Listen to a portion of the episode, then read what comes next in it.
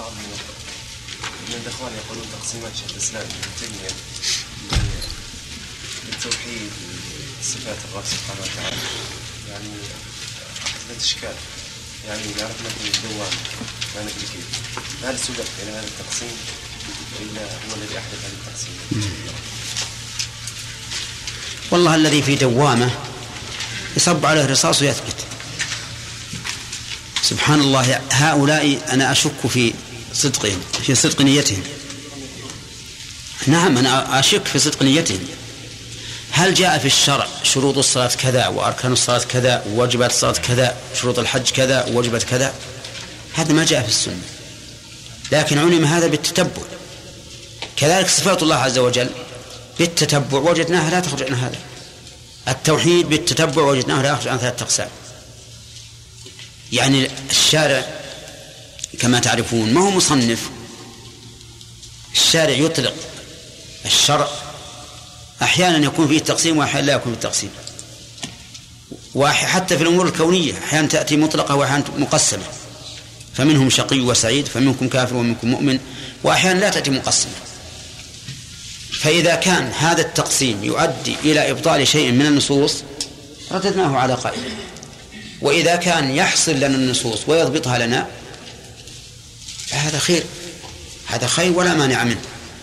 أما والله لو كان يبي, يبي يرد النصوص. مثل تقسيم بعض الأشاعرة الآن الصفات إلى أربعين صفة وهذه صفة معنى وهذه صفة كذا. ويتضمن هذا التقسيم إبطال الصفات هذا نرده. لكن هذا التقسيم الذي قسمه شيخ الإسلام وغيره ما فيه أي شيء يبطل ما جاءت به النصوص.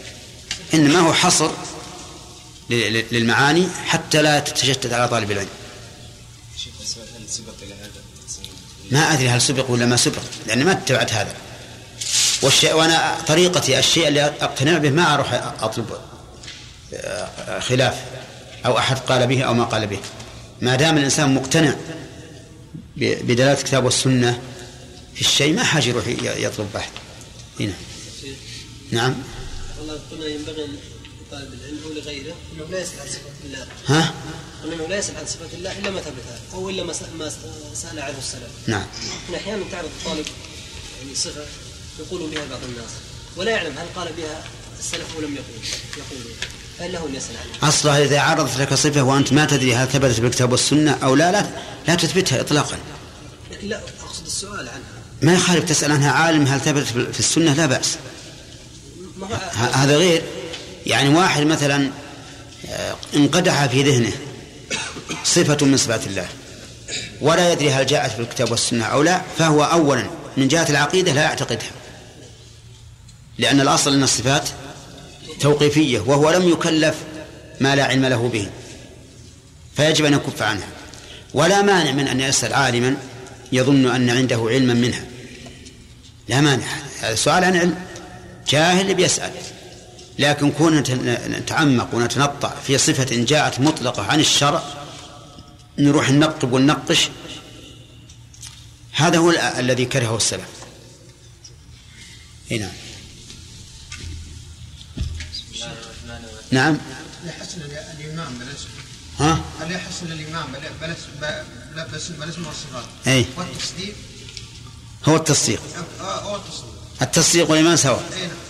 أنا حسب فيما جاء أنا أنا الرسول صلى الله عليه وسلم وأثبته الله لنفسه نعم.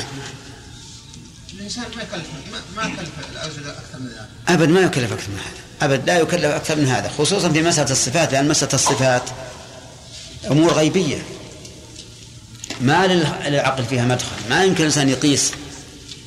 فإذا كان ما في مدخل للعقل وقف عليه. هنا. كل ما قد جاء في الدليل فثابت من غير ما تعطيل من غير ما تمثيل نعم. ما مراده بالدليل هنا؟ كتاب كتاب كتاب الله عز وجل سنة رسول الله صلى الله عليه وسلم وأصحاب جماعة الصحابة طيب. هل للعقل في هذا مجال؟ ليس تكميل. ها. ليس للعقل في المجال إلا ما دل الدليل عليه. طيب. آه، دلالة العقل المنفية هنا هي على سبيل الإجمال أو على سبيل التفصيل؟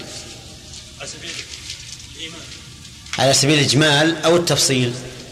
كل كل يعني حتى العقل لا يدل على صفات الكمال لله على وجه الإجمال. يثبت يعني يثبت ما اثبته الدليل. إيه. يعني يؤمن بأنه جاء. يعني يفهم قدر الدليل. لا يأخذ لكن العقل ما يدل على صفات إثبات صفات الكمال لله على سبيل الإجمال. يعني العقل ما يدل على أن الله له صفات الكمال بدون تفصيل. إذن ها؟ أقول يدل العقل إيه. بأن هناك صفات صفات الكمال لله تعالى. إيه. لكن تفصيل بالدليل أحسنت. هذا الدليل العقلي على ثبوت الكمال لله إجمالا هذا ثابت ما في إشكال. طيب من الذين قدموا العقل على السمع في هذا الباب؟ الأشاعرة بل كل المعطلة كل المعطلة قدموا العقل على السمع. طيب ما هي قاعدتهم؟ قاعدتهم ما أثبته العقل نعم. أثبتوه ولو نعم. خالف الكتاب والسنة. نعم. وما نفاه العقل نفوه ولو جاءت الكتاب والسنة بإثباته أحسنت. وما لم؟ وما لم تنفي الكتاب والسنة فالأكثرية على نفيه ما لم ينفي العقل. ما لم ينفي العقل فالأكثرية على نفيه على نفيه وبعضهم توقف فيه. أما إثباتا فلا يثبتونه. هذه قاعدتهم. ما دل العقل على إثباته أثبتوه مطلقا. وما دل على نفيه نفوه مطلقا. وما لا فأكثرهم نفاه. وبعضهم توقف فيه. طيب. المؤلف رحمه الله قال سائر الصفات والأفعال قديمة لله. هل كلامه هنا على إجماع على إجماله حق؟ لله ليس على إجماله. لأن الصفات تنقسم إلى ثلاثة أقسام. فأما الصفات الخبرية والذاتية فهو على كما قال المؤلف. نعم. وأما الصفات الفعلية فإنها من ناحية من من ناحية جنس الصفات نعم. فهي قديمة. أما من ناحية آه، نوعها وأحادها فهي حادثة. أحسنت. تمام. إذا كلامه فيه إجمال لا لا يصح؟ كذا؟ طيب. ماذا يعني ماذا يعني بالقديم؟ أو ما ما معنى القديم عند الفلاسفة والمتكلمين؟ نعم. معنى ذلك الأزلي الأزلي الذي لا أول له. خلاف لما تقتضيه اللغة العربية.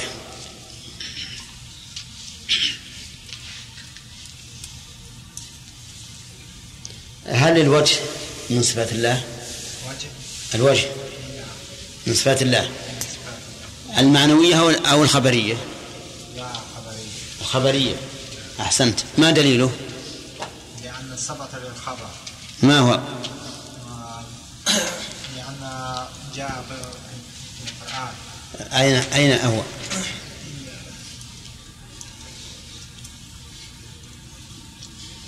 في وجه ربك الأعلى والسوف إلا ابتغاء؟ إلا ابتغاء وجه ربك الأعلى والسوف ولا سوف يرضى. في أيضا آية أصح من هذا ولا فيها استثناء. ما هي؟ كل من عليها فان ويبقى وجه ربك ذو الجلال والإكرام. تمام. لو قال لك قائل أنت إذا أثبتت لله وجها حقيقة أثبتت مماثلته للمخلوقين. وقد قال الله تعالى ليس كمثله شيء. ماذا تقول؟ ليس في هذا تعالى تشبيها للمخلوقين بالله تعالى ولكن أقول أن لله تعالى وجها يليق به لا نعلم حقيقته لكن هو سيقول لك هل هو حقيقي ولا غير حقيقي؟ إذا مثلته في المخلوقات لأن المخلوقات لها وجوه. كما أن الله تعالى لا يشبه بذاته. المخلوق نعم. وصفته كذلك لا تشبه المخلوق أي نعم. أحسنت. إذا نقول لهذا الرجل هل تثبت لله ذاتا؟ سيقول نعم إذا نقول هل تشبه ذوات المخلوقين؟ سيقول لا. إذن أثبت له وجها لا يماثل وجوه المخلوقين. ونقول هل تثبت له وجودا؟ سيقول نعم. يشبه وجود المخلوقين؟ لا. إذن أثبت له صفات لا تماثل صفات المخلوقين. زين. المؤلف رحمه الله يقول لكن بلا كيف. ما مراده بقول بلا كيف؟ بلا كيف يعني لا نسأل عن كيفيتها. لا. لا نسأل عن كيفيتها. لا. يقول ثابتة بلا كيف. ما قال بلا سؤال. يعني بلا كيف يعني ما نسأل نقول كيف. سبحان الله. هذا أنت قلت في الأول. أقول هذا غير صحيح. السؤال صفة الوجه لا. هذا كلام الآخر بلا تمثيل. بلا تمثيل؟ خطأ. ها؟ بلا تكييف. صح. بلا تكييف. يعني ما نقول إن لله وجها كيفيته وكذا وكذا. هذا معنى بلا كيف. أما السؤال فهو غير غير إثبات التكييف. السؤال أن يسأل سائل يقول كيف وجه الله؟ نقول هذا لا يجوز السؤال عنه. لأن السؤال عنه بدعة. واضح؟ طيب لو ادعى مدع أن السلف لما قالوا بلا كيف أرادوا بلا كيفية. ليس صحيح. ها؟ ليس صحيح. كيف؟ لأن كل شيء موجود لا بد له من كيفية. أحسنت. نقول لأن نفي الكيف- الكيفية على سبيل الإطلاق نفي للوجود. إذا كل موجود لا بد له من من كيفية. تمام. إن شاء الله الدرس القادم درس جديد.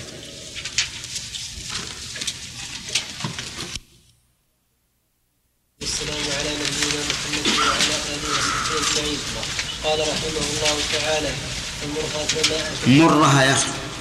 عدة مرات ردها عليك. كما يصح تقول مرها. هي النصوص تؤمر. ها؟ أحسن. نعم. الذكر من غير تاويل وغير فكر ويستحيل الجهل والعجز كما قد استحال الموت حقا والعمى وكل نقص قد تعالى الله عنه فيا بشرى لمن والاه بس. أظن البيت الأول قرأ شرحناه. ومرها كما أتت بالذكر من غير تأويل وغير فكر. طيب. قال ويستحيل الجهل والعجز. يستحيل الاستحالة معناه التعذر وعدم الإمكان. الجهل على من؟ الجهل على الله. ودليل استحالته أثري ونظري. أما الأثري ففي قوله تعالى إن الله لا يخفى عليه شيء في الأرض ولا في السماء. وقوله لتعلموا أن الله على كل شيء قدير وأن الله قد أحاط بكل شيء علما. وقوله وما يعزب عن ربك من مثقال ذرة في الأرض ولا في السماء ولا أصغر من ذلك ولا أكبر إلا في كتاب مبين. والنصوص في هذا كثيرة. أنه يستحيل الجهل لأن الإخبار بهذه بهذا النوع أو على لأن الإخبار على هذا الوجه يدل على عموم إحاطة علم الله عز وجل بكل شيء. وإذا أحاط بكل شيء استحال الجهل. وأما النظر فلأن الجهل صفة نقص. حتى إن الإنسان يعير به فيقال يا جاهل. أو يقال فلان جاهل. وإذا كان صفة نقص فإن الله فإنه ينزه عنه الخالق. الخالق لا يمكن أن يتصف بنقص إطلاقا. وقد استدل إبراهيم عليه الصلاة والسلام على أبيه بهذا فقال يا أبت لم تعبد؟ ما لا يسمع ولا يبصر ولا يغني عنك شيئا. يا أبت لم تعبد؟ ما لا يسمع ولا يبصر ولا يغني عنك شيئا. إذن هذا وجه استحالته نظريا. وش تقول يا أخ؟ وجه الاستحالة نظريا؟ يعني الجهل يؤدي إلى النقص. عيب ونقص. نقص الجهل. أي نعم. والله منزه عن النقص. عن النقص. ودليله أن إبراهيم قال لأبيه يا أبت لما تعبد ما لا يسمع ولا يبصر ولا يغني عنك شيئا.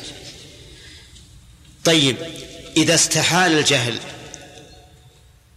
فإنه يكون من الصفات السلبية المنفية. وقد مر علينا أنه لا يوجد لا يوجد في صفات الله في صفات الله صفة سلبية محضة. بل لا بد أن تكون متضمنة لكمال ضدها. فإذا استحال الجهل صار كمال العلم إيش؟ واجبا. ولهذا يجب أن يكون الله متصفا بكمال العلم. طيب الجهل قد يكون سابقا للعلم وقد يكون لاحقا وكلاهما مستحيل. فما كان سابقا للعلم فهو جهل وما كان لاحقا له فهو نسيان وكلاهما مستحيل على الرب عز وجل. قال موسى لفرعون حين قال ما بال القرون الأولى؟ قال موسى علمها عند ربي في كتاب لا يضل ربي ولا ينسى. الثاني مما يستحيل العجز وهذا أيضا مستحيل بدلالة السمع ودلالة العقل. أما السمع فقد قال الله تعالى وما كان الله ليعجزه من شيء في السماوات ولا في الأرض. إنه كان عليما قديرا. ما كان الله ليعجزه من شيء. ومثل هذا النفي إنما يصاغ فيما كان ممتنعا غاية الامتناع. كما في قوله تعالى وما كان ربك ليهلك القرى بظلم وما كان الله ليعذبهم وأنت فيهم. وما أشبه ذلك. إذا ما كان الله ليعجزه هذا نفي يدل على امتناع المنفي انتفاعا مطلقا بكل حال. وما كان الله ليعجزه من شيء في السماوات ولا في الأرض إنه كان عليما قديرا. وقال تعالى أم حسب الذين يعملون السيئات أن يسبقونا ساء ما يحكمون. وقال تعالى وما أنتم بمعجزين. والآيات في هذا المعنى كثيرة. هذا دليل سمعي على إيش؟ على استحالة العجز. أما الدليل العقلي على استحالة العجز فهو أن العجز صفة نقص. والرب سبحانه وتعالى منزه عن النقص. فيجب أن أن ينزه عن العجز.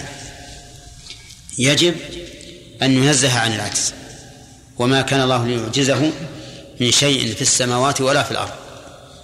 طيب إذن العجز مستحيل سمعا وعقلا. طيب فإذا استحال العجز ما الذي يجب؟ تجب القدرة. سمعا وعقلا. أما السمع فما أكثر الآيات التي يقول الله فيها إن الله على كل شيء قدير. ومنها هذه الآية لما قال وما كان الله ليعجزه من شيء في السماوات ولا في الأرض قال إنه كان عليما قديرا. وأما العقل فقرر دلالته على ذلك أهل العلم. بقولهم إن الخلق يدل على إيش؟ على على الخالق وعلى القدرة أيضا. لأنه لا يمكن أن يوجد خلق إلا بقدرة. لا يوجد شيء أو لا يوجد خلق إلا بقدرة عليه. فإثبات المخلوقات ووجود المخلوقات دليل على قدرة الخالق عز وجل. طيب فصار العجز مستحيلا سمعا وعقلا. وإذا استحال العجز ثبت ضده وهو وهي القدرة. قال كما قد استحال الموت حقا. أيضا الموت مستحيل سمعا وعقلا. أما استحالته سمعا فقد قال الله تعالى كل من عليها فان ويبقى وجه ربك ذو الجلال والإكرام وقال تعالى وتوكل على الحي الذي لا يموت بل نفى الله عنه الميتة الصغرى في قوله لا تأخذه سنة ولا نوم فإن النوم هو الميتة الصغرى. أما عقلا فلأن الموت لا يلحق إلا الناقص. الناقص أي ناقص الحياة. لأن الموت لا شك أنه فقد الحياة والحياة صفة كمال فإذا فقدت زال الكمال. والله سبحانه وتعالى منزه عن كل نقص. وقوله حقا مصدر عامله محذوف. تقديره أحق ذلك حقا. يعني أثبته إثباتا لا شك فيه. وقوله والعمى العمى هو ضد البصر. فالله سبحانه وتعالى منزه عن العمى وعن العور الذي هو فقد إحدى العينين. ودليل ذلك أيضا من السمع والعقل. أما السمع فقد قال النبي عليه الصلاة والسلام حجابه النور لو كشفه لأحرقت سبحات وجهه ما انتهى إليه بصره من خلقه. وقال النبي عليه الصلاة والسلام في وصف الدجال إنه أعور وإن ربكم ليس بأعور. وأما عقلا فلأن من لا يبصر ناقص. ناقص والنقص منزه منزه عنه عن الله عز وجل. ولهذا قال إبراهيم لأبيه يا أبت لم تعبد ما لا يسمع ولا يبصر ولا يغني عنك شيئا. ثم قال المؤلف قاعدة عامة مضطردة فقال فكل نقص قد تعالى الله عنه. كل نقص على سبيل العموم فإن الله تعالى قد تعالى عنه سواء كانت هذه الصفة نقصا في ذاتها أو كان النقص في كمال اتصف به. مثال الصفة التي هي نقص في كمالها كالعمى مثلا والجهل المطلق. ومثال النقص في صفة اتصف بها كالعور. فالعور ينظر الأعور بعين واحدة وتمشي أمور لكن هذه الرؤية ناقصة ولا كاملة؟ ناقصة. ولهذا يستدل بعض الناس بعض أهل القيافة يستدلون على أن على أن هذه البهيمة عوراء بالرعي برعيها الشجرة. العورة إذا وقفت عند الشجرة ترعى ها؟ من جانب واحد. لأنها لا ترى الجانب الثاني. فإذا أقبل على على بعير ترعى شجرة ووصل إليها ووجدها قد أكلت من اليمين عرف أنها عورة من اليسار. نعم. كذلك أيضا يستدل كل إنسان على الأعور إذا أتاه من جهة العوراء ما ما يبصره ما يبصره. لأنها لأن لأنه لا ينظر إلا من جهة واحدة. فالعور نقص نقص في كمال ولا نقص ولا فقد كمال؟ نقص في كمال. كذلك أيضا القوة. لو كان الله ليس فيه قوة إطلاقا لكان هذا نقصا. فإذا كان فيه قوة ولكنه لا لا يقوى على بعض الأشياء فهذا نقص في في كمال. فالله عز وجل منزه عن الأمرين. يعني منزه عن النقص الذي هو فقد الكمال بالكلية وعن النقص الذي هو نقص في في كماله. طيب مماثلة المخلوقين من أي النوعين؟ ها؟ نقص في كماله. لو قال لله أعين أو لله عينان لا تشبه عيني المخلوق. هذا نقص في نعم لا. لله عينان مثل عيني المخلوق. لكان هذا نقصا في كمال. لله علم مماثل لعلم المخلوق. صار أيضا نقصا في كمال. فالحاصل أن الله تعالى منزه عن كل نقص كل نقص سواء كان نقصا بحسب الأصل أو نقصا بحسب الكمال. فالله سبحانه وتعالى منزه عنه كل نقص قد تعالى الله عنه. فيا بشرى لمن والاه. يا بشرى يا هذه حرف ندى لكن بشرى منادى وهو غير عاقل.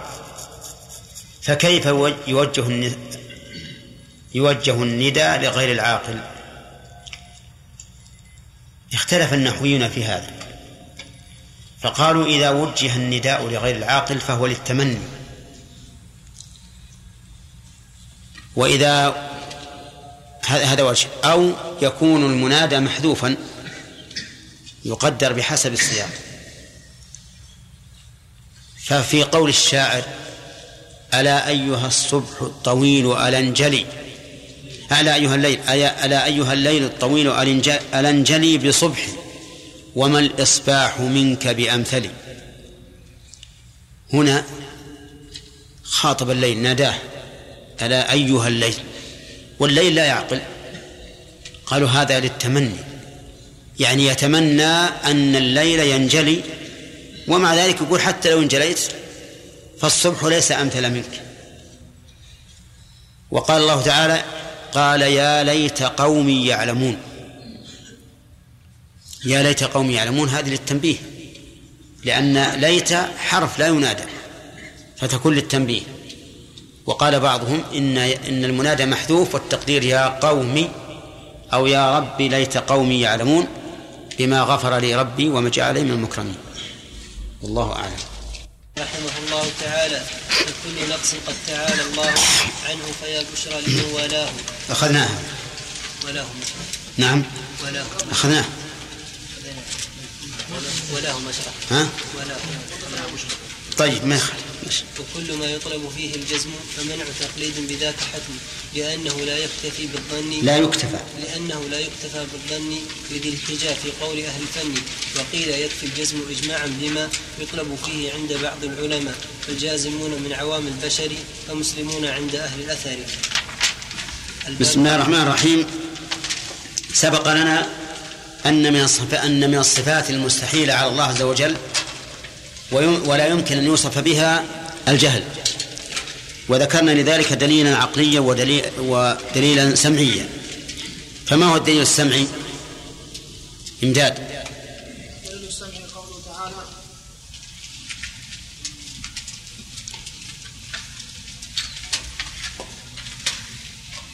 الله يعلم ما تحمل كل انثى وما تزيد الارحام وما تزداد هذا من ضمن أخبار ما هذا أخص من المدعى يعني إذا كان الدليل أخص من المطلوب ما صار في دلالة. إن الله لا يخفى عليه شيء في الأرض ولا في السماء. كذا؟ ولو خفي عليه شيء من في الأرض ولا في السماء لازم من, من هذا تكذيب هذا الخبر. وتكذيب خبر الله محال. طيب عقلا. عقلا لأن الجهل آه، صفه نقص. نعم. والنقص مستحيل على الله بدليل؟ نعم. ان إبراهيم آه، قال لابيه أن آه، أن الاصنام أن الاصنام يا أبت لم تعبد ما لا يسمع ولا يبصر ولا يغني عنك شيء. أحسنت. طيب. يستهيل العجز في الدليل السمعي والعقل. محمد دليل سمعي. تعالى والله على كل شيء. العجز. هذا هذا فيه إثبات القدرة. وانتفاء العجز بطريق اللزوم أو بطريق المفهوم.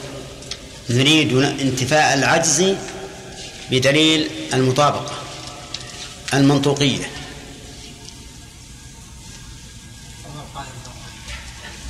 لا. وما كان الله. أي ما القرآن ما يرى بالمعنى يا شيخ. نعم ما كان الله يعجز من شيء في الأرض والسماء وما كان الله ليعجزه من شيء في الأرض ولا في السماء. في السماوات ولا في الأرض؟ إنه كان عليما قديرا. أم حسب الذين يعملون السيئات أن يسبقون وأمثال ذلك. طيب. كما قد آه نعم. العجز عقلا دلالته؟ نعم. أحسنت. تمام. طيب يقول كما قد استحال الموت. الموت مستحيل هداية الله. سمعا وعقلا.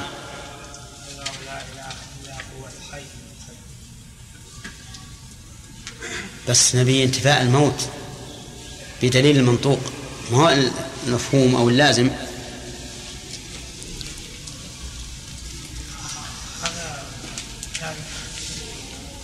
ويبقى وجه ربك. وكل من عليها فان ويبقى وجه إيه. من عليها فان آه. ويبقى وجه ربك إيه. ويبقى وجه ربك نبي غير هذه أوضح. وتوكل على الحي الذي لا يموت. نسيت هداية الله؟ طيب. استحالة الموت عقلا. منه. الحي الموت صفة نقص لا شك. والله تعالى منزه عقلا عن كل صفة نقص فلا يمكن أن يموت. طيب. أيضا العمى. يقول المؤلف كما قد استحال الموت حقا والعمى. وفي وال- والاستحا- والاستحالة العمى دليلان سمعي وعقلي. أحمد سمعي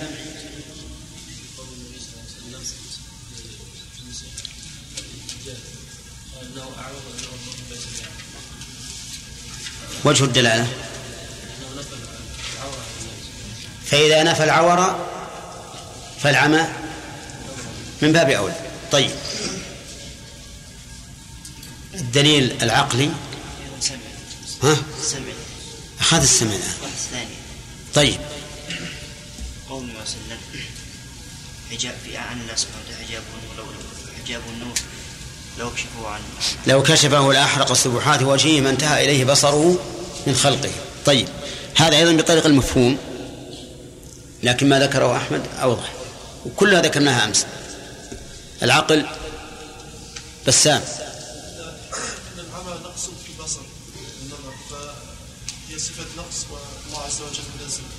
منزه عن النقص. طيب تنزيه الله عن النقص مأخوذ من قوله تعالى ولله المثل الأعلى.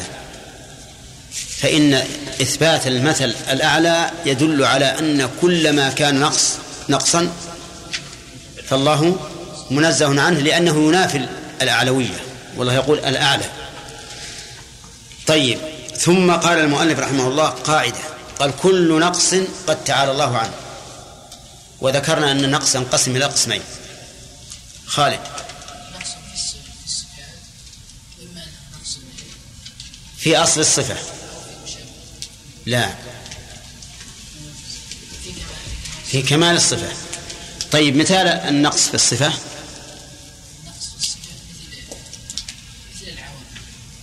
مثل العور والعمى. طيب النقص في كمالها.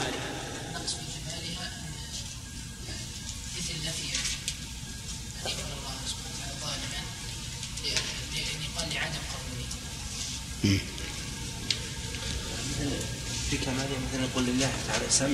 كسمع المخلوق ومثل هذا في مثل أن يقول لله سمع لكن ما أسمع كل شيء. لله قوة لكن ليس على كل شيء. واضح؟ آه، خلق الله السماوات والأرض لكن تعب. هذا نقص في الكمال. نقص في الكمال. طيب.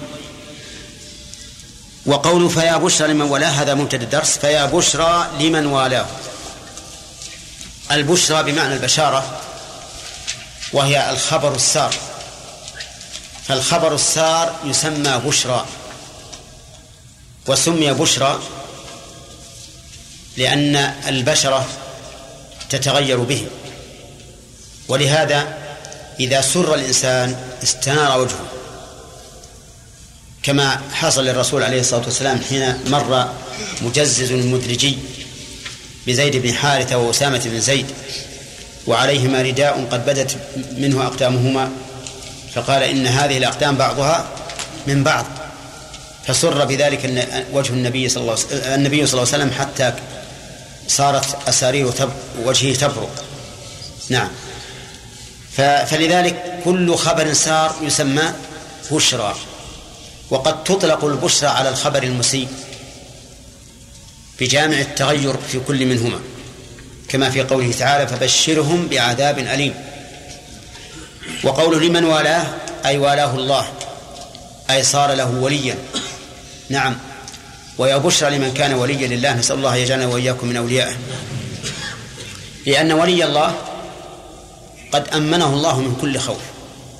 ألا إن أولياء الله لا خوف عليهم ولا هم يحزنون. الذين آمنوا وكانوا يتقون. ولي الله عز وجل إذا عاداه أحد فقد حارب الله.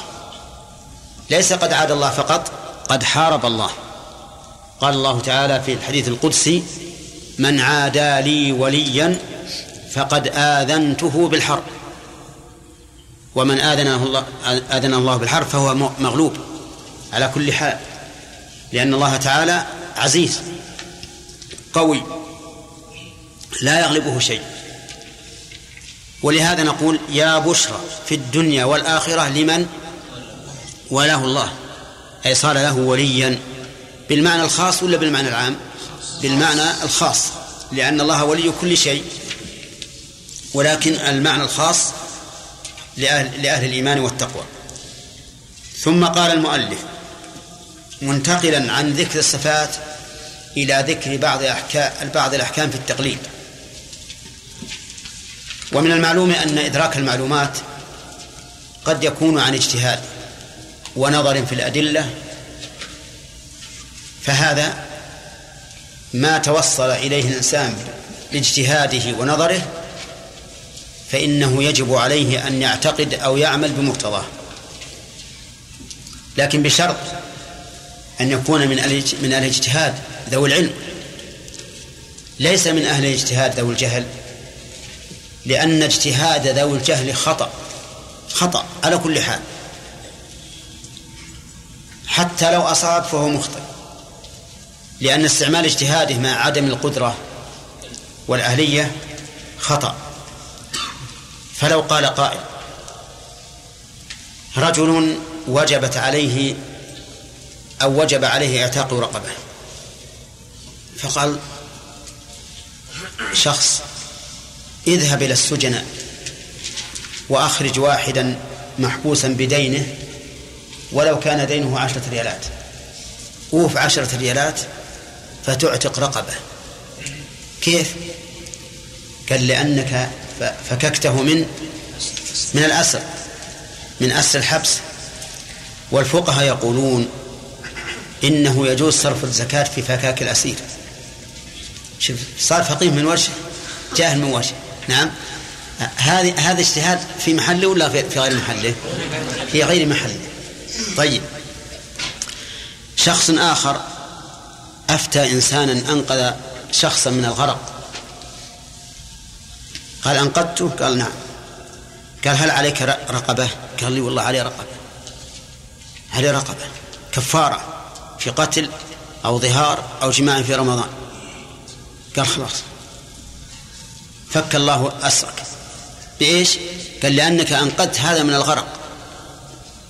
أنقذت هذا من الغرق إذن فهذا عتق رقبة هل يقبل هذا الاجتهاد؟ لا يقبل. طيب. رجل إمام مسجد قام إلى خامسة. قام إلى خامسة فنبهه المصلون. قال سبحان الله. سبحان الله. أبى. أصر على أن يبقى. كمل الخامسة.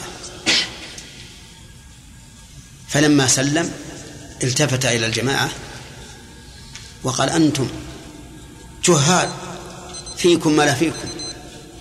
قال الفقهاء إذا شرع في القراءة حرم الرجوع. إذا شرع في القراءة حرم الرجوع. كيف تلحون علي أني أرجع وأنا قد شرعت في القراءة؟ يا جهال أنتم أجهل من حميركم. تكلم عن هالأشياء دي. إيش نقول هذا؟ نقول هو الجاهل.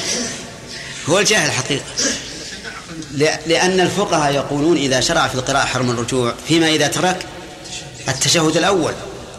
أما إذا قام إلى زائدة فيرجع ولو كان قد ركع. إذا قام إلى زائدة يرجع ولو كان قد ركع. فالمهم أن مثل هذا المجتهد لا يعتبر لا يعتبر اجتهاد إطلاقا ولا يقبل.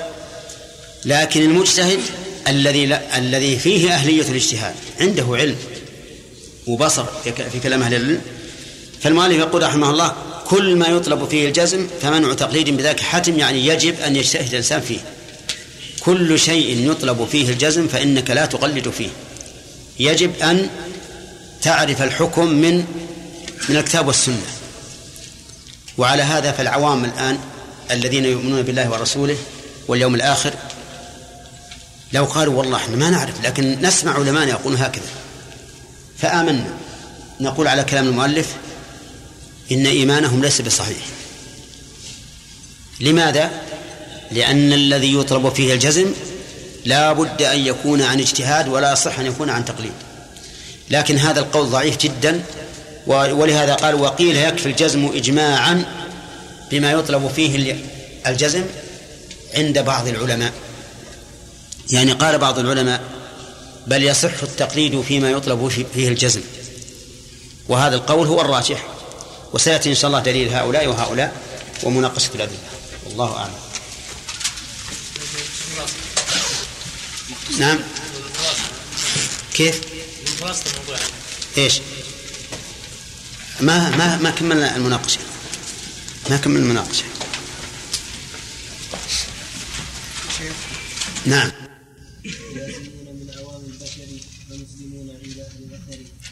بسم الله الرحمن الرحيم. هذا هذه المسألة شرعنا فيها من قبل وهو التقليد والاجتهاد. المسائل العملية يجوز فيها التقليد بالاتفاق. المسائل العملية يجوز فيها التقليد بالاتفاق. كالوضوء والصلاة والزكاة والصيام والحج وغير ذلك. هذه فهذه يجوز فيها التقليد بالاتفاق. ولا يمكن أن يلزم الإنسان الناس بالاجتهاد لأن الاجتهاد في هذا صعب. والعامة لا يمكن أن يقرأوا كتب الفقه. أما مسائل العقيدة مسائل العقيدة التي يجب على الإنسان فيها الجزم التي يجب على الإنسان فيها الجزم. فقد اختلف العلماء هل يجوز فيها التقليد أم لا بد من الوقوف على الدليل. ولا شك أن الوقوف على الدليل أولى حتى في المسائل العملية. لأن الإنسان إذا بنى عقيدته أو عمله على الدليل استراح وصار يعلم الآن أنه يمشي في طريق صحيح. لكن إذا لم يمكن فهل يكفي التقليد أو لا يكفي؟ في هذا خلاف بين أهل العلم. فمنهم من قال إنه يكفي ومنهم من قال إنه لا يكفي. ولكن الحقيقة أنه لا يمكن أن نقول إن جميع مسائل العقيدة يجب فيها اليقين. لأن من مسائل العقيدة ما لا ما اختلف فيه العلماء. وما كان مختلفا فيه بين أهل العلم فليس يقينيا لأن اليقين ما يمكن نفيه أبدا. فاختلف العلماء مثلا في عذاب القبر هل هو على البدن أو على الروح؟ واختلف العلماء في الذي يوزن هل هي الأعمال أو صحائف الأعمال أو صاحب العمل؟ واختلف العلماء في الجنة التي أسكنها آدم. هل هي جنة الخلد أو جنة في الدنيا؟ واختلف العلماء في رؤية النبي صلى الله عليه وسلم ربه. هل رآه بعينه يعني في الحياة أو رآه بقلبه؟ واختلف العلماء في النار. هل هي مؤبدة أو مؤمدة؟ وكل هذه من العقائد. والقول بأن العقيدة ليس فيها خلاف على الإطلاق غير صحيح. غير صحيح. كثير من المسائل العقيدة ما أقول أكثر أو يعني في مسائل العقيدة ما يعمل فيه الإنسان بالظن. مثلا في قوله تعالى من تقرب إلي شبرا تقربت منه ذراعا. لا يجزم الإنسان بأن المراد القرب القرب الحسي. فإن الإنسان لا شك ينقدح في ذهنه أن المراد بذلك القرب المعنوي. القرب المعنوي من أتاني يمشي أتيته هرولة. هذا أيضا لا يجزم الإنسان بأن بأن الله يمشي مشيا حقيقيا هرولة ينقدح في ذهنه أن المراد الإسراع في في إثابته وأن الله تعالى إلى الإثابة أسرع من الإنسان إلى العمل أليس كذلك؟ ولهذا اختلف علماء أهل السنة في هذه المسألة هل هل هو هذا أو هذا؟ فأنت إذا قلت هذا أو هذا لست تتيقنه تتيقنه كما تتيقن نزول الله عز وجل الذي قال فيه الرسول عليه الصلاة والسلام ينزل ربنا إلى السماء الدنيا. هذا الإنسان ما يشك فيه أنه نزول حقيقي. وكما في قول استوى على العرش لا يشك الإنسان أنه استواء حقيقي. فالحاصل أن مسائل العقيدة ليست كلها مما مما لا بد فيه من اليقين. في لأن اليقين أو الظن حسب تجاذب الأدلة. وتجاذب الأدلة حسب فهم الإنسان وعلمه. قد يكون هذان الدليلان متجاذبين عند شخص ولكن عند شخص آخر ليس بينهما تجاذب إطلاقا. وقد اتضح عنده أن هذا له وجه وهذا له وجه. فمثل هذا الأخير ليس عنده إشكال في المسألة بل عنده يقين. والأول ها يكون عنده إشكال. وإذا رجح أحد الطرفين فإنما يرجحه بغلبة الظن. لهذا لا يمكن أن نقول إن جميع مسائل العقيدة مما يتعين فيه الجزم ومما لا خلاف فيه. لماذا؟ لأن الواقع خلاف ذلك. ففي مسائل العقيدة ما هو فيه ما فيه الخلاف. وفي مسائل العقيدة ما لا يستطيع الإنسان أن يجزم به. لكن يترجح عنده. أليس كذلك؟ إذن هذه الكلمة التي نسمعها بأن مسائل العقيدة لا خلاف فيه فيها هذه ليست على إطلاقها. لأن الواقع يخالف ذلك. كذلك مسألة العقيدة بحسب اعتقاد الإنسان ليس كل مسائل العقيدة مما يجزم فيه الإنسان جزما لا لا, لا احتمال فيه. في بعض المسائل أحاديث أو, أو آيات قد يشك الإنسان فيها. يوم يكشف عن ساق هذه من مسائل العقيدة. وقد اختلف فيها السلف. هل المراد ساقه عز وجل أو المراد الشدة؟ وعلى هذا فقس. طيب إذا نرجع الآن إلى كلام المؤلف. كل ما يطلب فيه الجزم ويريد بذلك مسائل العقيدة وغير العقيدة. كل, كل شيء يطلب فيه الجزم فمنع تقليد بذاك حتم. مما يجب فيه الجزم أن نجزم بأن الصلوات الخمس إيش؟ مفروضة. يجب. ولهذا لو أنكر الإنسان فرضية الصلوات الخمس كفر. يجب أن نجزم بأنها مفروضة وأن الزكاة مفروضة وأن الصيام مفروض وأن الحج مفروض. وجوبا. هل نقول لا يجوز أن نقلد شخصا بذلك؟ العام ما يدري. ذكر المؤلف قال المؤلف فمنع تقليد بذاك حتم وعلل لأنه لا يكتفى بالظن لذي الحجى في قول أهل الفن. لأن التقليد ظن. تقليد ظن. ولهذا تقول للمقلد هل تجزم بهذا؟ قال والله يقول فلان. يقوله فلان. إذن عنده جزم ولا لا؟ لا. التقليد يفيد الظن. ولولا حسن ظن المقلد بالمقلد ما ما قلده.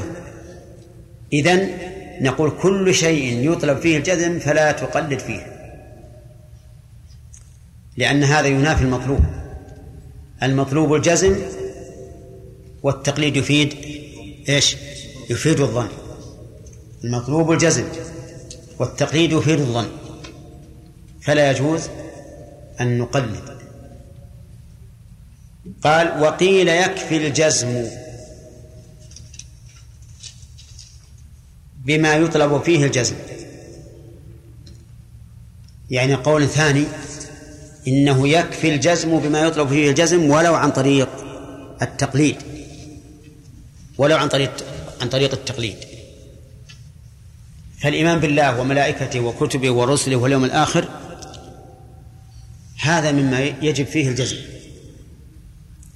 ولكن هل العام يدرك ذلك بدليله؟ ها؟ لا. ما لا يدرك ذلك بدليله. ومع ذلك نصحح إيمانه. ونقول هو مؤمن. وإن كان لا يدرك ذلك بدليله. فلهذا نقول قال المؤلف وقيل يكفي الجزم إجماعا. يعني أنه إذا وجد الجزم حصل المقصود بالإجماع. بما يطلب فيه فاعل نائب فاعل يطلب.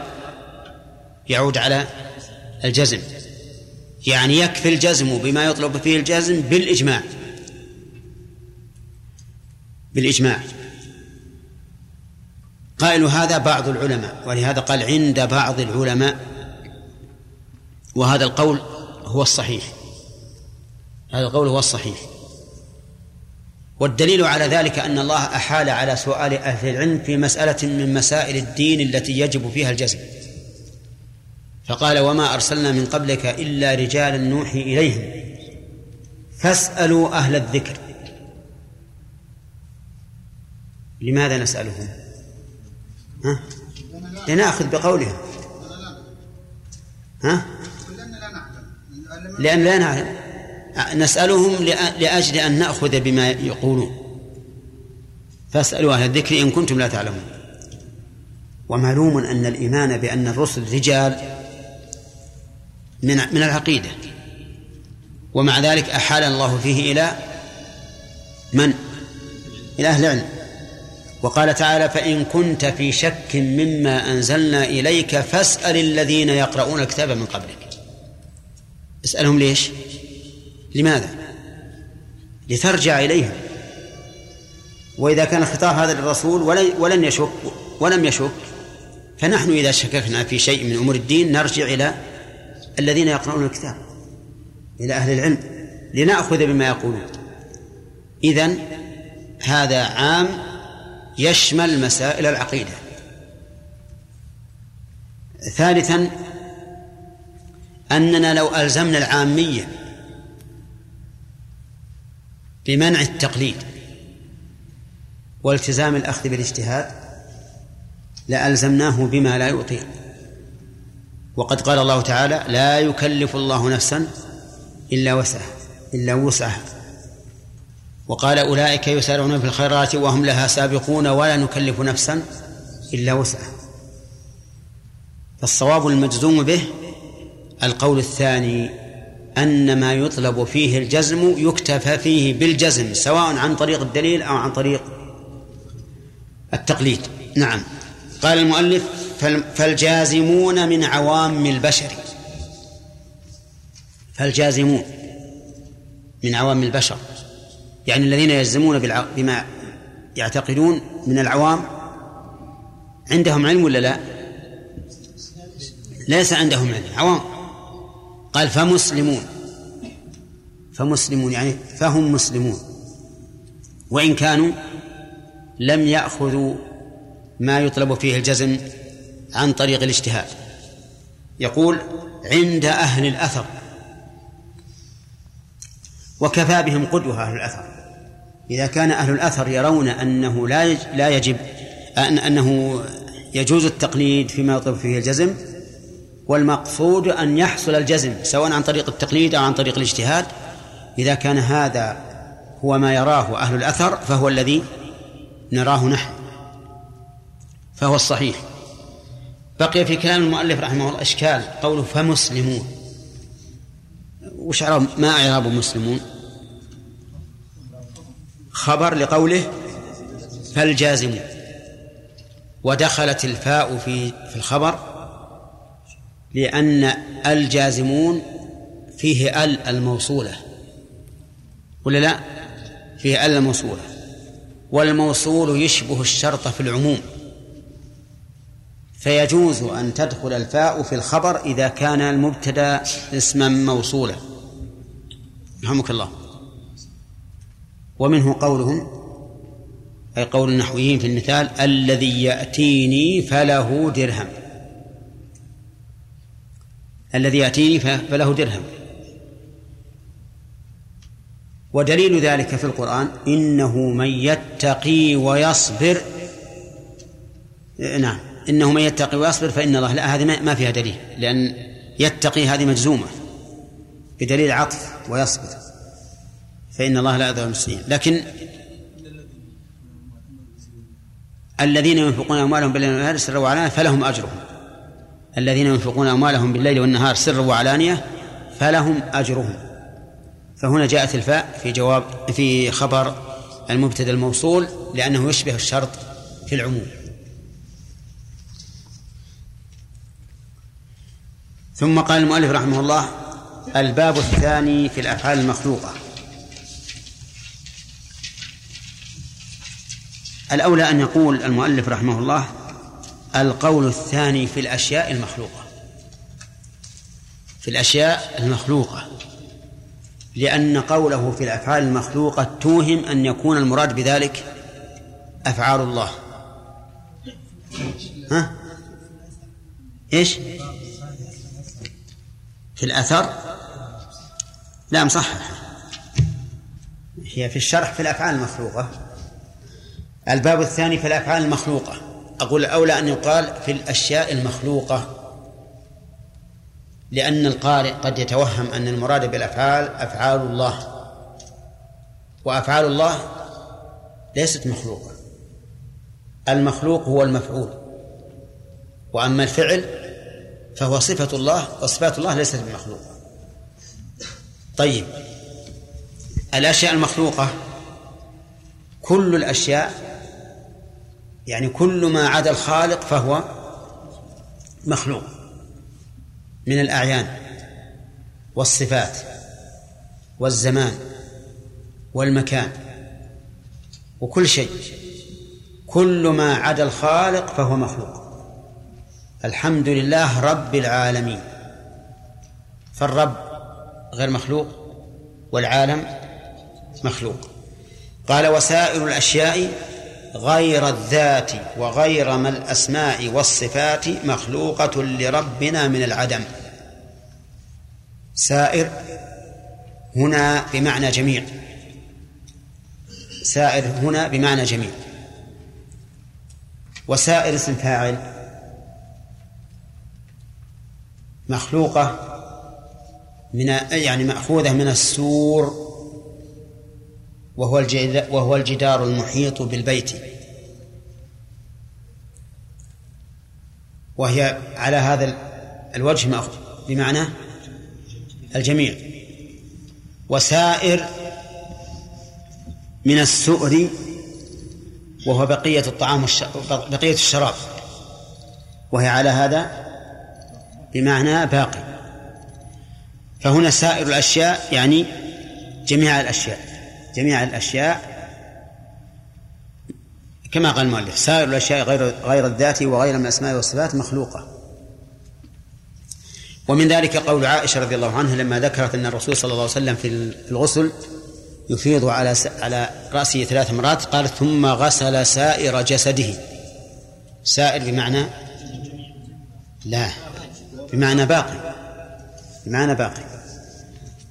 والله أعلم.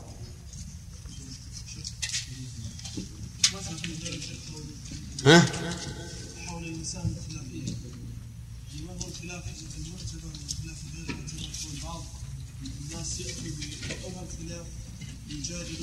وليس كل وليس كل خلاف جاء معتبرا. إلا خلافا له حظ من النظر. الخط إذا كان له حظ من النظر فهو معتبر. فما خالف إجماع السلف مثلا فهو غير معتبر. أي هذا معتبر لكنه مرجوح. كلمة المعتبر معناه هل يعد خلافا خارقا للإجماع أو لا؟ هذا معنى المعتبر. ليس من المع- المعتبر أن لا ننظر أن أنه ينظر فيه. يعني قد ننظر فيه ونشوف هل هو راجح ولا مرجوح. لكن اللي غير معتبر معناه أننا لا ننظر فيه إطلاقا. لأنه غير معتبر. علم المجتهد بالنسبة إليه. يعني يفيد اليقين ولا يفيد الظن؟ لا. قد يفيد الظن لكن الطريق يقين. إيه، طريقه يقين. لكن ما لكن معلومه قد يكون ظنا وقد يكون غير ظن. قد يكون يقينا. اي نعم. نعم. اختلف عال- عالمان أمام شخص عام في في مسألة عق- عق- عقائدية ثم ق- قلنا لهذا العامي ماذا تعتقد؟ قول هذا قال هذا. قال ما أدري أنا على الحق. هذا يعني يكفي لا بد يعتقد كيف؟ ما أعتقد شيء. يعني اذا معناه عنده شك. ما أعتقد لا هذا ولا هذا. لازم يعتقد هذا ولا هذا. ولا يبقى متردد وإذا كان هذا الذي هذا الذي يسعه فلا يكلف الله نفسا إلا وسعها. ما أظن أن احدا ما ينقدح في ذهنه رجحان أحد. رجحان قول على قول ما أظن. لا بد أن يكون عنده ترجيح إما بحسب القائل وإما بحسب ما سمع من الأدلة إن كان عنده شيء من الفهم أو ح- حسب ما تطمئن نفسه إليه. نعم. العقيدة هل هو في الصلب العقيدة أو في أمور خارجة لا ال- الخلاف هنا ما هو في صلب العقيدة. أقول ما هو في صلب العقيدة. هنا. كلهم مثلا مؤمنون بأن النار موجودة ولا بد من العذاب فيها. لكن الخلاف هل تبقى ولا أو لا تبقى مثلا؟ كلهم يؤمنون بأن الرسول رأى ربه لكن هل رآه حقيقة أو رآه بفؤاده؟ وهكذا. نعم. العقائد التي يجب بها على أن الشك فيها كفر؟ صحيح. يعني مثلا لو شك الإنسان في وجود الله فهو كافر. لكن مسألة المسائل اللي فيها الخلاف لا بد أن يكون فيها شك لكن قد يكون فيها شك عند بعض الناس ويقين عند المسائل إيش؟ مسائل الصفات في هذه المسائل هذه فيها خلاف أيهن؟ القاعده في بعض مسائل جرى فيها نعم. هذه لا فيها الخلاف اللي هي هذه المسائل مثل مسألة رؤية النبي صلى الله عليه وسلم هل بعينه ام بقلبه. من يلحق مسائل الصفات؟ فيقول اذا الصفات فيها هكذا؟ هذا فرق بين هذا وهذا. الصفات على سبيل العموم بمعنى أن لا نثبت الصفات إطلاقا كالمعتزلة أو لا نثبت إلا ما دل عليه العقل. هذا طريقة غير سليمة. هذه منكرة. أولا لمخالفتها ل- لطريقة السلف. والشيء الثاني أن هذه تنقض العقيدة رأسا على عقل. ما في صفات إطلاقا. فرق بين أن نقول ليس هناك صفات أو نقول هل رآه بفؤاده أو بعينه. هذه مسألة جزئية ثم خلاف في صفة هذه المسألة فقط. يقول المؤلف رحمه الله فمرها كما أتت في الذكر. ما الذي يفيد قوله فمرها كما أتت يلا. يفيد أنه لا يتعظم لها لا لتكييف ولا لتمثيل ولا لتعظيم وإنما تمر كما جاءت. كما قال السلف نمرها كما جاءت من لا تكييف ولا تعظيم ولا لكن هل يريد المؤلف أننا نمر اللفظ فقط ولا ماذا؟ نمر اللفظ مع فهم المعنى لا يدع المعنى المعنى مطلوب. مرها كما أتت. ها؟ مرها كما أتت يعني ولا تعطل. لكن هل يفيد إثبات المعنى؟ اي نعم يفيد إثبات المعنى. لأنها لأنها مفهومة. ألفاظ جاءت لمعاني. فإمرارها يقتضي أن إيش؟ أن تمر لفظا له معنى. طيب. قول المؤلف من غير تأويل حمد. من غير تأويل. ما الذي ما المراد بالتأويل الذي نفاه المؤلف؟ وغير تأويل أي التحريف أي التحريف. أما التأويل المطابق للمعنى المراد؟ صحيح. فهذا لا ينفع. طيب ما معنى قوله وغير فكري؟ الأخ.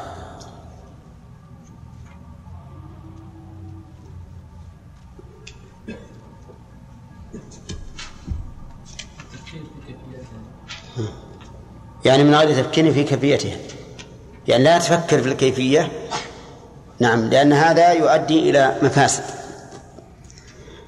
يقول مالك رحمه الله إن الجهل مستحيل على الله هداية الله. فما هو الدليل؟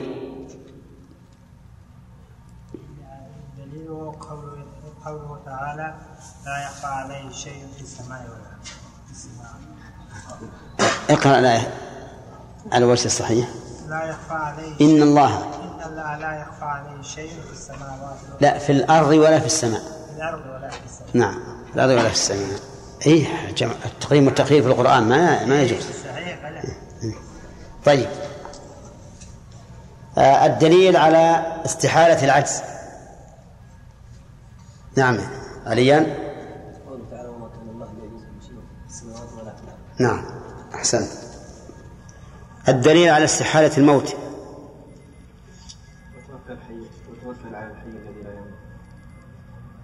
نعم. قول الذي لا يموت. الدليل على استحالة العمى فهد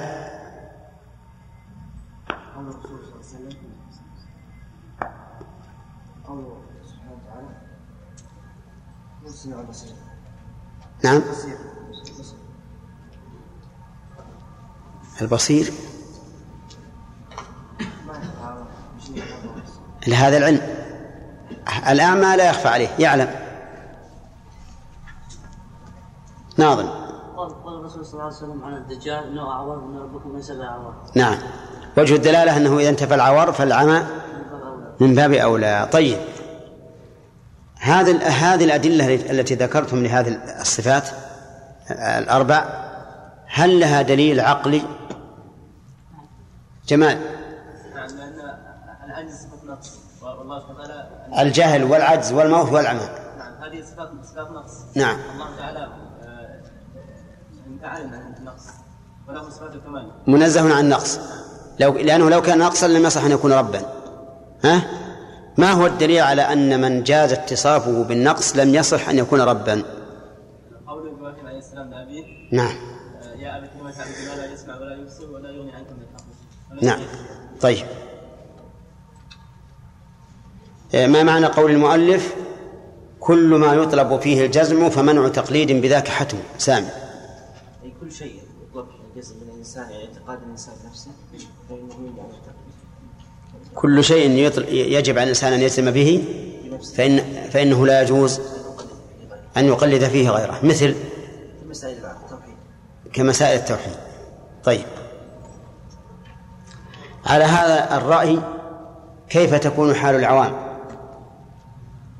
حال العوام أنه لابد أن يبحث في الكتاب والسنة وأقوال أهل العلم في المسائل الاعتقادية وعليها يبني اعتقاده وهذا صعب بالنسبة للعوام لأنه يستطيع أن ده على رأي المؤلف. دعنا من صعب ولا ولا سهل؟ على رأي المؤلف لا يتم إيمان العامي حتى يعلم ذلك بالإجتهاد. يعبر عنه بنفسه. القول الثاني أنه يكفي الجزم ولو عن طريق التقليد. صح هذا هو. القول الثاني أن الواجب الجزم ولو عن طريق التقليد. وبناء على هذا يكون العوام يكون إيمانهم صحيحا وإن كان عن تقليد لأن هذا هو الذي يقدرون عليه. تمام؟ هذا القول ذكرنا أنه هو الصحيح. والله أعلم نبينا محمد وعلى اله وصحبه اجمعين قال رحمه الله تعالى الباب الثاني في الأفعال المخلوقة وسائر الأشياء غير الذات وغير من الأسماء والصفات مخلوقة لربنا من العدم وضل من العدم. مخلوقة لربنا من العدم وضل من أثنى عليها بالقدم. وربنا يخلق يخلق باختيار من غير حاجة ولا اضطرار لكنه لم يخلق الخلق سدى كما أتى في النص كما أتى في النص كما أتى في النص تتبع الهدى. بسم الله الرحمن الرحيم. قال المؤلف رحمه الله تعالى الباب الثاني في الأفعال المخلوقة. وقلنا إن الأولى أن يقال في الأشياء المخلوقة من أجل أن يشمل الأعيان والأفعال. من أجل أن يشمل الأعيان والأفعال والأوصاف. عرفتم؟ ولا لا؟ لو قلنا في الأفعال المخلوقة اختص بالأفعال. وإذا قلنا في الأشياء المخلوقة شمل الأعيان والأفعال والأوصاف. فمثلا الآدمي هو عين. وفعله ها؟ لا. فعله فعل. بطشه أكله شربه هذا فعل. وأوصافه أوصاف. فإذا قلنا في الأشياء المخلوقة شمل الأعيان والأوصاف والأفعال. فإذا قلنا في الأفعال اختص بها. آه، الأشياء المخلوقة آه، الأشياء الموجودة الأشياء الموجودة إما خالق وإما مخلوق. فالخالق رب العالمين عز وجل. الخالق رب العالمين. والمخلوق ما سواه. ولهذا قال المؤلف وسائر الأشياء غير الذات أي ذات الله. وغير من الأسماء والصفات. ما في قوله وغير ما زائدة. من أجل الروي أو من أجل الوزن من أجل الوزن. وغير من الأسماء أي أسماء الله. والصفات يعني صفات الله. مخلوقة. هذا خبر المبتدأ أعني قوله سائر لربنا يعني لله من العدم. يعني بعد أن كانت عدما. وظل من أثنى عليها بالقدم. ظل يعني تاه وضاع عن الطريق المستقيم. ومن أثنى عليها أي من وصفها بالقدم. يقول المؤلف رحمه الله سائر الأشياء أي جميع الأشياء. فسائر هنا بمعنى جميع ولا يصح أن تقولون بمعنى باقي. وقول الأشياء يعني من الموجودات غير ذات الله وأسمائه وصفاته. طيب لم يذكر أفعاله. من صفاته أفعاله من صفاته. أفعاله من صفاته. لم يذكر كلامه. كلامه أيضا من صفاته. طيب. إذن ذات الله وأسماؤه وصفاته غير مخلوق. وما عدا ذلك فهو مخلوق. فالآدم مخلوق. بعد أن لم يكن. والروح مخلوقة. بعد أن لم تكن. بلا شك. والسماء مخلوقة بعد أن لم تكن. والأرض مخلوقة بعد أن لم تكن وكل شيء مخلوق من العدم بعد أن لم يكن. وهذه المسألة ضل فيها من ضل من الناس وزعموا أن المخلوقات قديمة النوع وأن المادة أزلية كما أنها أبدية. ولهذا يقولون إن المادة لا تفنى. فليست معدومة من قبل ولا تفنى من بعد. وكل هذا ضلال. كل هذا ضلال. لأنك إذا قلت بقدم الأشياء وأنها لم تكن حادثة أشركت بالله. أشركت بالله. وجعلت لله شريكا في القدم. وهذا شرك. ولكن هل هل الله عز وجل أتى عليه وقت لم يكن يفعل شيئا؟ نعم. قال بعض العلماء نعم. أتى عليه وقت لم يكن يفعل شيئا. ثم حدث الفعل. لأنك لو لم تقل بذلك لزم أن تجعل المفعول قديما. فإنك إذا أثبتت لله فعلا فلا فعل إلا بمفعول. وحينئذ يلزمك أن تقول بقدم المفعولات بقدم المفعولات فتقع في الضلال ولهذا اختلف الناس كما قلت لكم في هذه المسألة. فمنع قوم التسلسل في الماضي كما كما منعوه في المستقبل وجعلوا التسلسل ممنوعا في الماضي والمستقبل.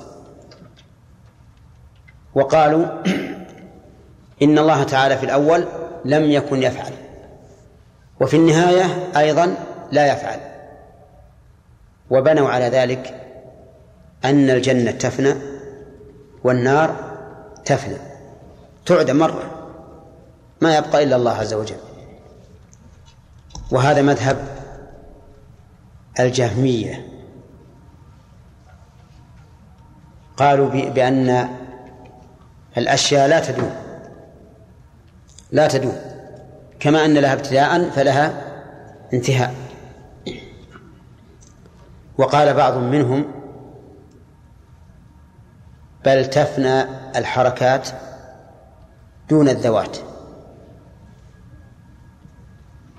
حركات الحي تفنى دون ذاتهم فيبقى الناس كأنهم أصنام كأنهم أصنام. وهذا مذهب العلاف من المعتزلة وقد سخر به ابن القيم رحمه الله في النونية. فقال له على زعمه إن الإنسان من أهل الجنة إذا رفع إلى فمه فاكهة. وجاء وقت الفناء. ها؟ جمد على ما هو عليه. وبقيت الفاكهة بيده لم تصل إلى فمه. إلى متى؟ إلى أبد الآبدين. إلى أبد الآبدين. وإذا كان على أهله. من الحور العين أو من من نساء الجنة آه، الدنيا. وأتى وقت الفناء وقت فناء الحركات. وهو على أهله. ها؟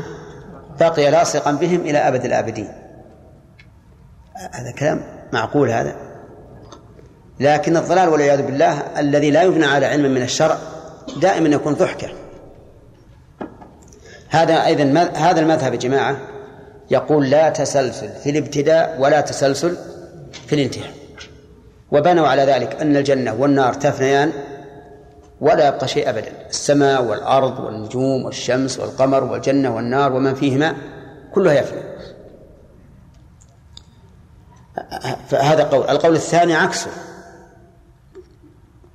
قالوا بالتسلسل في الابتداء والانتهاء. وأن الخلق قديم كما أنه لا نهاية له.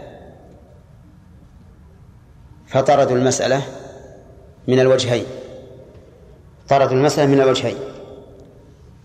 يعني قالوا إذا كنا نقول بإمكان تسلسل الحوادث في المستقبل وأن الجنة والنار باقية إلى أبد الآبدين فكذلك في الماضي. كذلك في الماضي. وقال آخرون زعموا أنهم أهل السنة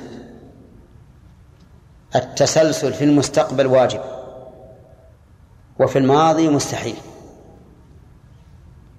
وش معنى في المستقبل يعني؟ في الزمان الآتي. فالجنة والنار لا تفنى وما, وما فيهما لا يفنى. وأما في المستقبل في الماضي فالتسلسل ممنوع. مستحيل. لأنه يلزم منه أن تكون الحوادث قديمة كقدم الله. قديمة كقدم الله. وهذا شرك. وهذا ادعى بعض الناس أنه مذهب أهل السنة والجماعة.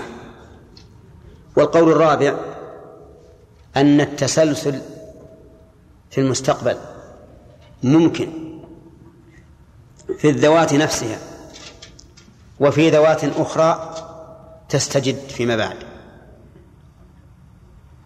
وأما التسلسل في الماضي ففي الذوات مستحيل. التسلسل في الذوات مستحيل. يعني بمعنى أن نقول هذا هذه الذات لم تزل ولا تزال موجودة. فهذا مستحيل. لأنه ليس هناك شيء من المخلوقات يوصف بالقدم كقدم الله. لكننا نعلم أن الله لم يزل ولا يزال خلاقا وأن هناك مخلوقات غير السماء والأرض.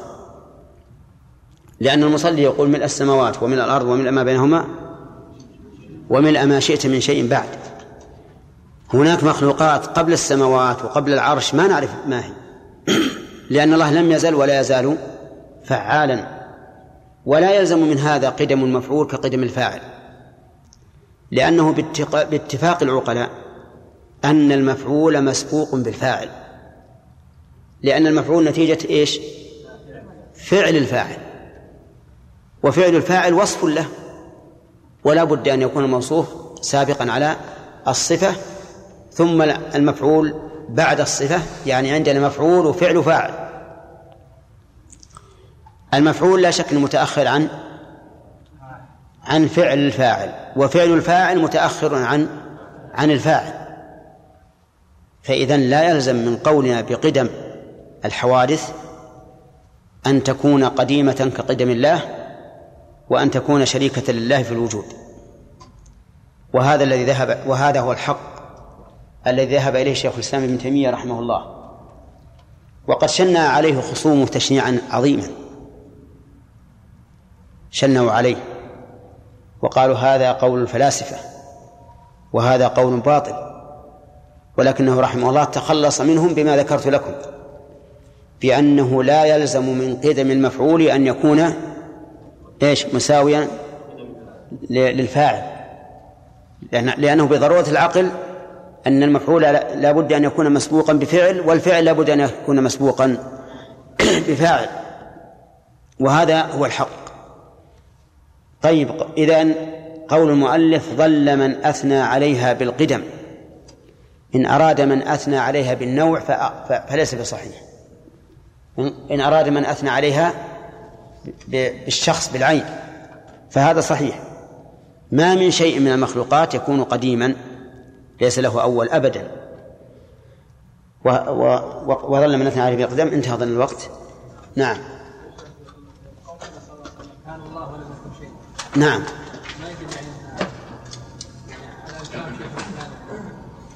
أي نعم صحيح. لم يكن شيء صحيح. لأنه لو كان شيء مع الله لو كان شيء مع الله لازم أن يكون مثل الله.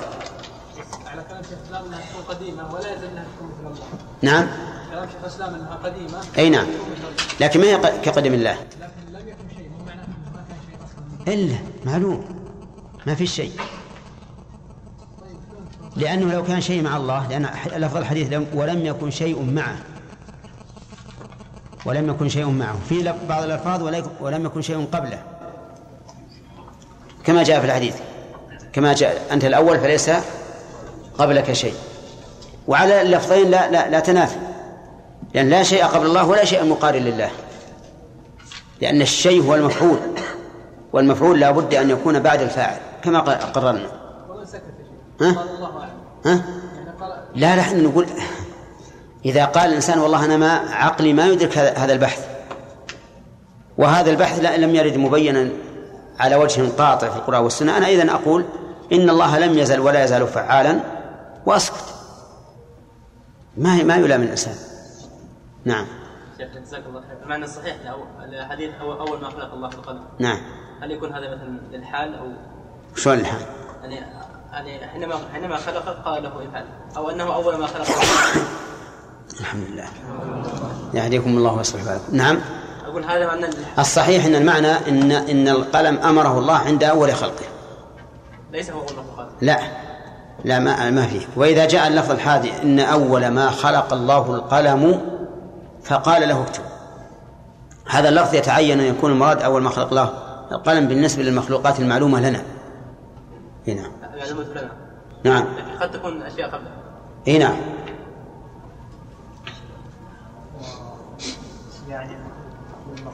المخلوق كل كل المخلوق في في ابتداع وتوصيف الله تبارك وتعالى بالخلاق مخالف لا ابتداع نعم. صحيح؟ صحيح. نعم. نعم. قول المؤمنين شيخ إن المفعول لا بد أن يكون موجودا قبل فعل الفاعل. نعم. والسماوات. ما هو بصحيح ما هو بصحيح قولهم. قولهم ما هو بصحيح. فخلق الله السماوات مفعول بلا شك. لكنه غير موجود قبل الفعل. ما يخالف. في حين فعله خلق. أنت نعم لو قلت ضربت زيدا لا بد أن يكون زيد موجود قبل الضرب عشان يقع عليه الضرب. أما خلق الله السماوات بمعنى أوجدها وأنشأها ما في مانع. أن يقع على معدوم فيكون الخلق حين يكون وقوع الفعل عليها حين حين تنشئتها.